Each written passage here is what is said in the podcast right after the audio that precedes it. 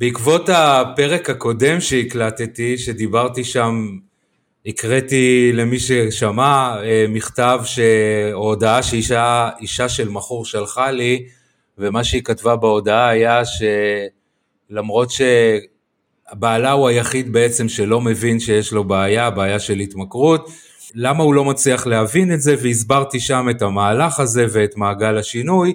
קיבלתי הודעות נוספות, מעבר לזה שאנשים הזדהו מאוד עם אה, בעיות של בני המשפחה שלהם, וכתבו לי שהם שמחים מאוד אה, אה, לקבל את המידע הזה, אז קיבלתי הודעות נוספות. אחת ההודעות הייתה בסגנון של, אוקיי, אני כבר לא נמצא בשלב הזה, ואני מבין שיש לי בעיה, אני מבין שאני צופה בפורנו הרבה מדי, אני מבין שזה פוגע לי בחיים, ולמרות שאני מבין כל כך טוב שיש לי בעיה, ואני גם מבין מה אני אמור לעשות עם הבעיה הזאתי, אני עדיין לא עושה עם זה כלום.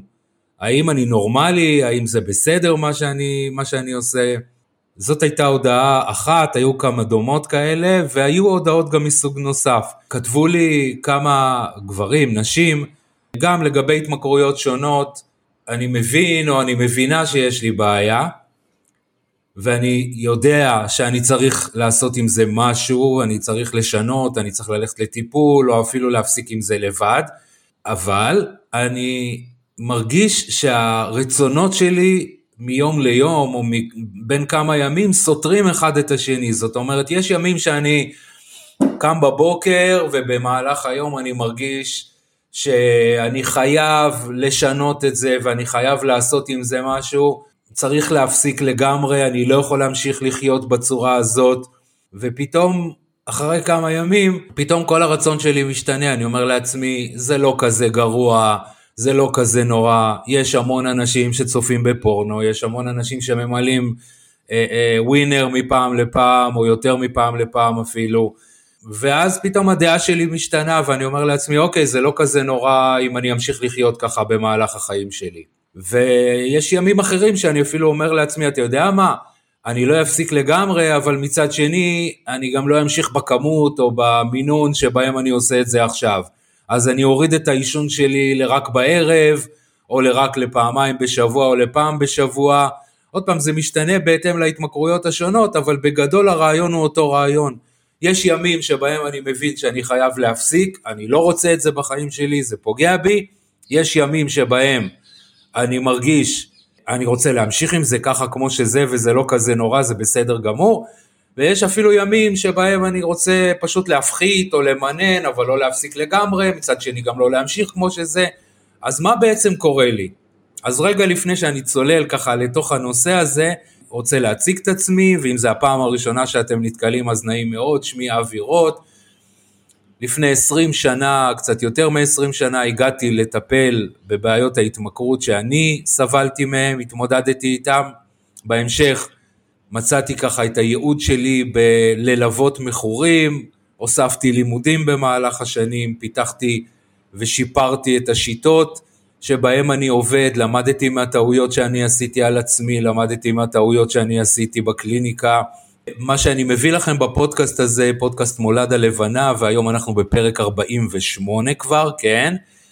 ומה שאני מביא בעצם, ב, ב, את כל הניסיון שלי, את כל הידע שלי, את כל מה שעברתי עם עצמי וגם עם אה, אה, אנשים שליוויתי אותם בתהליכים האלה, אני מביא את זה כמה שיותר כדי לעזור לכם לעשות את הדרך שלכם בצורה הקלה ביותר. אז בואו ככה נצלול לנושא ולשאלות שאני נשאלתי, וכמו שאמרתי קודם, מחשבות שהן סותרות אחת את השנייה, או שאני יודע שיש לי בעיה, אבל אני עדיין לא עושה עם זה כלום. אני מחזיר אתכם חזרה, וגם אם לא שמעתם את הפרק הקודם, אז לא נורא, לתבנית שנקראת מעגל השינוי. זוג אה, מד... חוקרים בשם פרוצ'סקה ודיקלמנטה ראיינו, אם אני לא טועה, מעל 800 אנשים שביצעו שינויים בחיים שלהם, הרבה מהם מכורים, יצרו ובעצם עשו איזשהו מודל מה כל האנשים האלה עברו בדרך כדי להגיע לשינוי. בעצם יצרו איזשהו מודל שנקרא מעגל השינוי שמשתמשים בו הרבה גם בתחום הרפואה, הרבה בתחום ההתמכרויות, אני חושב שהוא מודל נכון לעבוד איתו ולזהות בעצמי קודם כל איפה אני נמצא בתהליך הזה. דיברנו שבוע שעבר על השלב הראשון. השלב הראשון בשפה המקצועית יותר נקרא קדם הרהור, השלב הזה שאני אפילו עדיין לא חושב על הבעיה, ולא מודע לזה אפילו שיש לי בעיה, ולכן אני גם כמובן לא חושב עליה, והיום אנחנו מדברים על שלב שנקרא שלב ההרהור או שלב החשיבה, אני כבר מודע לזה שיש לי בעיה, אני כבר מתחיל לחשוב על הבעיה כבעיה ופתרון. עכשיו, כשישבתי אחרי הפרק הזה, שהקלטתי ואמרתי רגע למה לדבר בשפה מקצועית, בואו קצת, בואו נתרגם את זה לשפה פשוטה. ובשפה הפשוטה, השלב הראשון יהיה השלב של אני לא יודע שיש לי בעיה, השלב השני יהיה שלב שאנחנו נקרא לו אני מודע לזה, אני יודע שיש לי בעיה. אז אם אני יודע שיש לי בעיה, למה אני לא פותר אותה? התשובה פשוטה, כי זה ככה. מה זה אומר ככה? המבנה שלנו, אני אומר תמיד התת מודע שלנו, המוח שלנו, אבל המבנה שלנו כאנשים לא בנוי לבצע שינויים במהירות. הרבה פעמים כשאנחנו נבצע שינויים במהירות, הם נידונו לכישלון. יש שם משהו חסר שם בתוך, ה, בתוך, ה, בתוך התהליך. בכלל, שינוי הוא דבר מפחיד. אפילו שינויים קטנים, אפילו שינויים פשוטים, הם דבר שהוא מאיים עלינו, ובסיבה מאוד מאוד פשוטה. שוב פעם, המוח שלנו בבסיס שלו, ומי שמקשיב לי לאורך הפרקים יודע שאני חוזר על זה עוד ועוד, בנוי בעצם לשרוד קודם כל. לפני הכל הדבר הכי חשוב זה שאני אזכה לחיות היום ואני אזכה לחיות מחר ואז אני אוכל לעשות המון המון דברים עם עצמי. אבל קודם כל אני צריך לחיות ולשרוד. כדי לשרוד אולי הדבר הכי בטוח שיש זה הדבר המוכר. עכשיו הדבר המוכר, מה זה הדבר המוכר? זה הדבר שאני מכיר אותו. בוא נלך ככה אחורה, הרבה הרבה שנים אחורה, האדם, ה, ה, לא יודע, קדמון, אבל הוא חי לו במערה, איפשהו באיזשהו מקום, עם המשפחה שלו, אולי עם השבט שלו אפילו, ויום אחד המערה הזאת הופכת ללא טובה, לפחות טובה, לצפופה יותר, והוא צריך למצוא לעצמו אזור מחיה, אזור מגורים אחר, למצוא לעצמו מערה חדשה. מה שהוא צריך לעשות זה בעצם לצאת מהמערה, לצאת לדרך ולחפש מקום חדש. או אם היה למשל בצורת באזור שבו גרתי, או שפתאום הטרף, בעלי חיים הת, הת, התמעטו ואין לי אוכל במקום הזה, אז אני צריך ללכת ולחפש מקום שבו יש יותר אוכל. מה זה אומר? ואני משתמש בזה כרגע כמטאפורה, שאני אצטרך לארוז את השבט שלי עכשיו, או את המשפחה שלי, ולהתחיל ללכת עד שאנחנו נמצא מקום חדש, טוב יותר, מתאים יותר עבורנו. מה יקרה בדרך? בדרך אני הופך להיות חשוף לסכנות. אם עד עכשיו הייתי במערה שלי והייתי שם מוגן, ונכון, המערה הזאת הפכה להיות מקום פחות נוח, פחות מתאים עבורי לגור שם ועבור המשפחה שלי, אבל בסך הכל, עם כל חוסר הנוחות שהייתה שם, זה עדיין היה מקום בטוח. ועכשיו אני נאלץ לצאת לדרך. וכשאני יוצא לדרך, אני חושף את עצמי לסכנות, אני, אני הרבה פחות מוגן, או בכלל לא מוגן אפילו. האיתותים שאני אקבל בראש יהיו איתותים של סכנה, עצור, אל תצא לדרך, תשאר במקום הבטוח שלך אפילו שהוא צפוף. הרבה פעמים אנחנו נישאר עוד ועוד ונמתח את זה ונמתח את זה ונמתח את זה עד שאנחנו נרגיש שלא יכול יותר. אנחנו אומרים הרבה פעמים זה היה הקש ששבר את גב הגמל. היה כבד לגמל גם קודם, היו עליו כבר מלא מלא מלא מלא קשים, מלא קש על הגב שלו, אבל אז הוסיפו אחד אחרון שהוא כבר לא יכל לעמוד בזה, ואז הוא מתנער וזורק מעצמו את הכל, די נשבר לי. יש לפעמים איזה אירוע מסוים, או משהו מסוים שקורה לנו בחיים, שאנחנו רואים די אנחנו לא יכולים יותר. אבל עצם הנטייה להישאר במקום הבטוח, למרות שהוא לא המקום הכי טוב, זה נורמלי לחלוטין. ועוד פעם, אחד, אחד הדברים שאני חשוב לי כל הזמן לעשות, ואני עושה את זה לאורך כל הפודקאסט, זה להגיד לאנשים, אתם נורמלים. גם אם הסביבה אולי משדרת לכם או פחות מבינה אתכם וחושבת שאתם לא נורמלים, אתם לגמרי נורמלים. מה זה אומר נורמלים? שאני עובד כמו שאדם אמור לעבוד. כמו שהמוח של בן אדם שפוי אמור לעבוד, אני הרבה פעמים שומע את, ה, את הביטויים האלה שהתמכרות זה חוסר שפיות, לא, התמכרות זה שפיות על מלא, נכון, היא מביאה איתה הרבה פעמים תוצאות לא טובות, אבל אם זה היה הפתרון שלי לאורך הרבה שנים כדי לפתור את הטראומה שלי, ואם זה היה הפתרון שלי לאורך שנים כדי להרגיש טוב וכדי להיות מסוגל לתפקד וכדי להחזיר לעצמי את הביטחון או כל מה שלא לא נכנס תחת, ה, תחת הנושא הזה, אני לא ארצה כל כך בקלות לעזוב את זה. עכשיו, כשרוצים לבצע שינוי, חשוב להיות מוכנים נפשית לשינוי הזה, כי אם אני לא מספיק מוכן נפשית, אז השינוי הזה לא יצליח. ולכן יש פה שלב שנקרא שלב החשיבה. שלב שאני יודע שיש לי בעיה, אבל אני עדיין לא מחליט שום דבר. כי עוד פעם, מה אנחנו נרצה לעשות במסגרת, ה... אני חוזר חזרה לאותו שבט קדמון שם במערה, אנחנו נעשה אספת שבט. ובאספת השבט הזאת אנחנו נשב ונדבר על זה, ונגיד המקום הזה כרגע שאנחנו יושבים בו לא מתאים עבורנו. הוא קטן מדי, הוא צפוף מדי, נוזל מים בחורף, אין פה מספיק אוכל באזור הזה כדי לפרנס אותנו כשבט, ואז יתחילו לעלות טענות. הפחדנים יותר יגידו, אוקיי, לא נורא, נכון, יש בעיות, אבל אם נצא לדרך, אז אנחנו חשופים לסכנות אחרות. אנשים אחרים יגידו, לא עכשיו, בוא נעשה את זה בקיץ, עכשיו לצאת החוצה בחורף כדי לחפש מקום, נכון, נוזל פה מים כרגע, יש, יש, יש אה, נזילות של מים בתוך המערה, אבל בוא נתגבר על זה בינתיים ונחכה לקיץ. אחרים יגידו, יעלו שם כל מיני סוגי פתרונות, חלק יגידו אולי רק הגברים או חלק מהגברים יצאו החוצה לחפש מערה ויחזרו, יגידו לנו כשהם מצאו אותה ואז אנחנו נצא כולנו, חלק יגידו לא, כולם צריכים לצאת עכשיו ביחד. עוד פעם, אתם מכירים את זה. מהחיים שלכם, אני משתמש בזה כמטאפורה, להפסיק לגמרי, להפסיק עכשיו, להפסיק בפעם אחרת, למנן את זה, לא להפסיק לגמרי, להפסיק בשלבים. כל המחשבות האלה עולות כי הן חשובות. כי אם אני לא...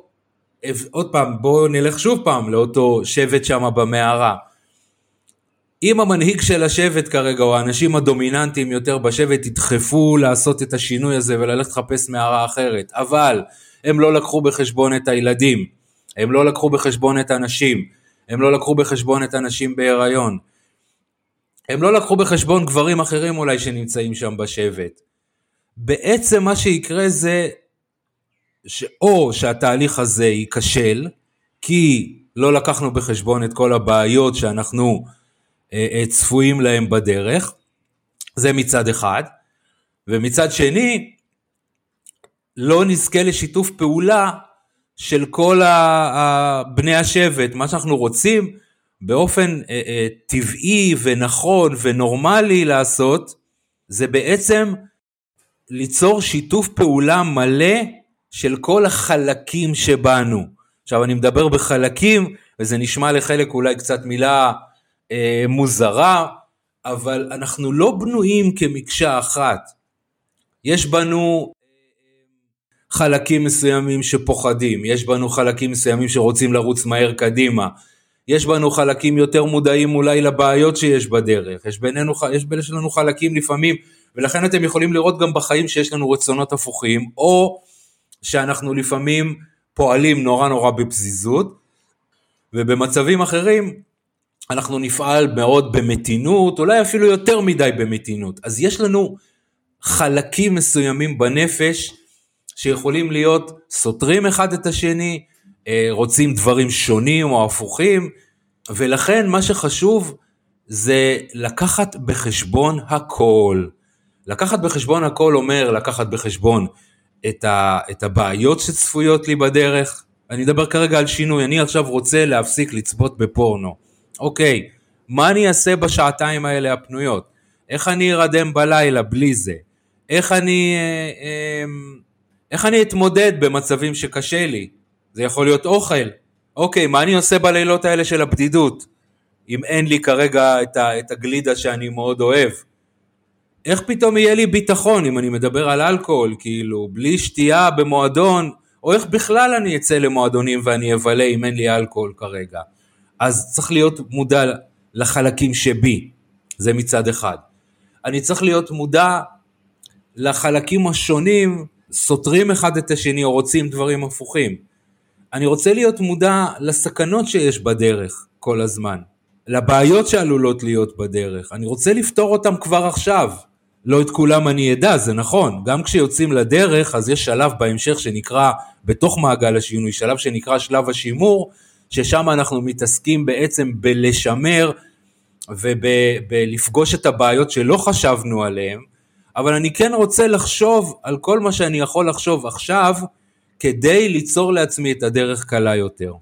עכשיו, זה לא פשוט להיות בשלב הזה, זה לא פשוט להיות בשלב הזה, כי, כי בשלב הזה אני עדיין משלם לא מעט מחירים כתוצאה מה, מההתמכרות שלי, וההפך.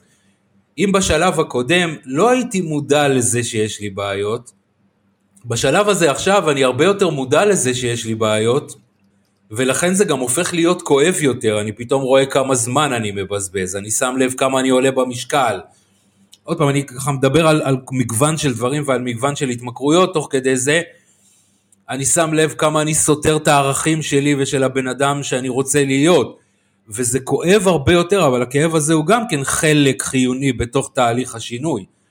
והשלב הזה יכול לקחת ימים, הוא יכול לקחת שבועות, ולצערנו לפעמים הוא אפילו יכול לקחת שנים. עכשיו, קודם כל, היה חשוב לי להגיד ש, שאני מאוד אוהב לנרמל דברים, לנרמל במובן של להגיד לעצמי, כן, אני נורמלי. עכשיו, זה חשוב, כי אם אני חושב שאני לא נורמלי, אז אני, אני באמת לא מאמין ביכולת שלי לבצע שינוי.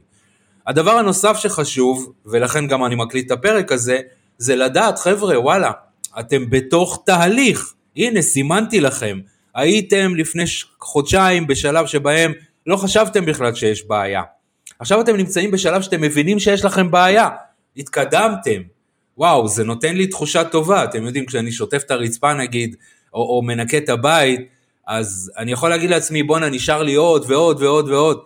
אבל קמתי בבוקר, לבשתי בגדים מתאימים, התחלתי לנקות את הבית, ניקיתי את הכיור ואת השיש, אני בהתקדמות. אני יכול לשים לעכשיו ולהגיד בואנה כמה נשאר לי עוד לעבור בדרך או כמה לא הספקתי, כמה הבית עדיין מלוכלך, אבל אני חושב שיש משהו מאוד מעודד בזה, בלדעת שיצאתי לדרך ושכבר יש התקדמות. אז שני דברים, א', אני נורמלי, זה, זה, זה חשוב לדעת, אני, אני לא פועל ב, ב, בחוסר שפיות כמו שאנשים נוהגים להגיד, בניגוד אולי ל, ל, ל, למה שחשבתי קודם, וב', אולי יותר חשוב מזה, אני בתוך תהליך ואני כל הזמן מתקדם, גם אם הוא לוקח זמן.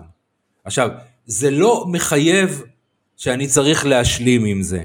זה ממש לא מחייב שאני צריך להשלים עם זה, שזה ייקח לי כל כך הרבה זמן, לזה התכוונתי. זאת אומרת, יש כן דרכים שבהם אני יכול לזרז את השלבים, למהר אותם יותר, חייבים לעבור דרכם, זה כן. זה בסדר וזה חשוב שאני אעבור דרך כל השלבים האלה מצד אחד. מצד שני, וזה מה שאנחנו עושים, זה מה שאני עושה בתהליך של ליווי בקליניקה, זה לעזור לאנשים לעבור את השלבים האלה יותר מהר, למצוא את ההתנהגות החלופיות יותר מהר, למצוא את הבעיה שבגללה נוצרה ההתמכרות. בוא נחשוב על זה עכשיו, אחד הצדדים שסותרים, שאומרים לי לא תמשיך עם זה, זה כי ההתמכרות פתרה בעיה אחרת.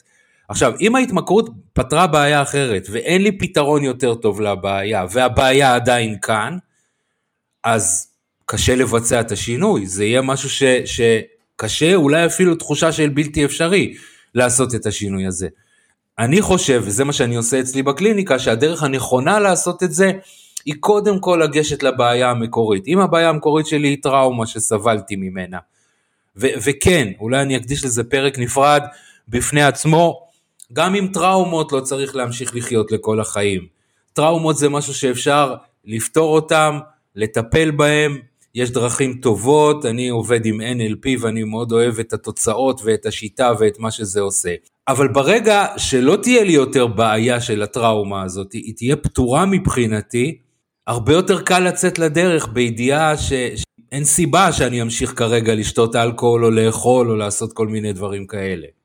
אם הבעיה שזה ישב עליה היא איזושהי אמונת ליבה לגבי עצמי, שאני לא מספיק טוב, שאני לא מספיק שווה, שאין לי ערך, וההתמכרות, נגיד אלכוהול עזר לי להשיג את הביטחון העצמי שלי, או סמים למיניהם, או התנהגויות למיניהם, גרמו לי תחושות של ביטחון ושייכות וכל מיני דברים כאלה. אז עוד פעם, אני ארצה לפתור קודם את הבעיה, בלי קשר כרגע להשאיר את המחשבות האלה על, על לצאת לדרך, לצאת להחלטה, וקודם כל לפתור את הבעיה הזאת. ברגע שפתרתי את הבעיה, בעצם, אין צורך בפתרון הישן, אין צורך בפתרון הישן, הרבה יותר קל לי לצאת לדרך. עכשיו, הרבה, לפעמים מאוד יכול להיות שיהיה כאן את אפקט ההרגל, זה נכון, אני רגיל לעשן עם כל דבר, אני רגיל לשתות אלכוהול לפני שאני הולך לישון או לפני שאני יוצא למסיבה, אני רגיל לצפות בפורנו מתי שזה לא יהיה, אבל הרבה יותר קל לטפל בבעיית ההרגל, כאשר הסיבה שבגללה הוא נוצר כבר לא קיימת כאן. השלב הבא שאנחנו נגיע אליו ברגע שאנחנו נהיה מספיק בשלים עם כל מה שדיברנו עליו בפרק היום, יהיה שלב ההחלטה. שלב ההחלטה הוא שלב שבו זהו, גמרנו. אני מבין, זה כבר אין כל כך את המחשבות הסותרות, או אין, אין כמעט בכלל את המחשבות הסותרות האלה, אלא אני מבין שנצרך לבצע שינוי. זה עדיין לא שלב הפעולה, עדיין לא שלב הפעולה שבו כבר יצאתי לפעולה ו- ובעצם זרקתי את הסיגריות, את הוויד, זהו, אני לא צופה יותר בפורנו, אין לי אלכוהול בבית. אבל אם הדבר הראשון שביום שאני אגלה שיש את הבעיה, אני אזרוק את האלכוהול מהבית, סביר להניח שאני אלך לקנות שוב אלכוהול. ואני מכיר סיפורים שבהם ילדים הגיעו לאבא או לאימא הביתה ועשו חיפוש בארונות ומתחת לכיור ובכל מיני מקומות ואספו את כל הבקבוקים של הוודקה, שפכו אותם לכיור, זרקו אותם לפח, עשו המון דברים ואז האבא חיכה לזמן המתאים וקנה בחזרה את האלכוהול. אני מכיר אנשים שעושים את זה עם עצמם, קמים בבוקר, מקבלים את הקריזה, שופכים את הכל לאן שהם לא שופכים, אה, זורקים את הכל, חוסמים את עצמם בפני כל מיני התנהגויות שהם לא, אבל חוזרים לזה עוד פעם בהזדמנות הבאה, או מחליפים התמכרות בהתמכרות, וגם אם לא זה ולא זה, זה משאיר אותי מאוד מאוד אומלל, מאוד קשה, כי עוד פעם, התמכרות היא פתרון לבעיה אחרת. ואם לא פתרתי את הבעיה, ואם אין לי פתרונות טובים יותר לבעיה, אני, אז אני בבעיה, נשארתי עם הבעיה. ואם נשארתי עם הבעיה, אז אני פשוט אמצא את עצמי מאוד מאוד אומלל. לכן, הדבר החשוב הוא קודם כל, ואני מסכם ככה את הפרק של היום, הדבר החשוב הוא לדעת שאני בתוך תהליך, ושזה נורמלי לחלוטין, מה שאני עובר, מה שאומר שגם אני נורמלי לחלוטין, זה דבר אחד. דבר שני, לדעת שלתהליך יש חשיבות, וחשוב למצות את, ה, את השלבים בתהליך ולא לקפוץ מעליהם.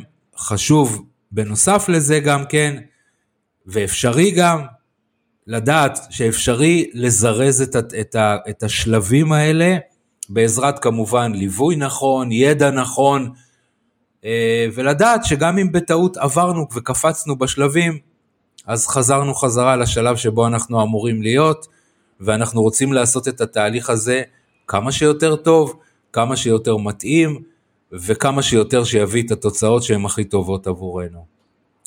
אם הקשבתם עד לכאן, אז תודה רבה לכם. אתם עושים עבורכם צעד משמעותי וחשוב בחיים שלכם כדי להשיג את החופש בחיים שלכם, ובעיקר את מלוא הפוטנציאל של מי שאתם, ואני בטוח שאתם אנשים נהדרים וטובים, ויש בכם כל כך הרבה לתת לעצמכם, למשפחה שלכם ובכלל לעולם, אז כל הכבוד לכם על הזמן שאתם משקיעים בעצמכם.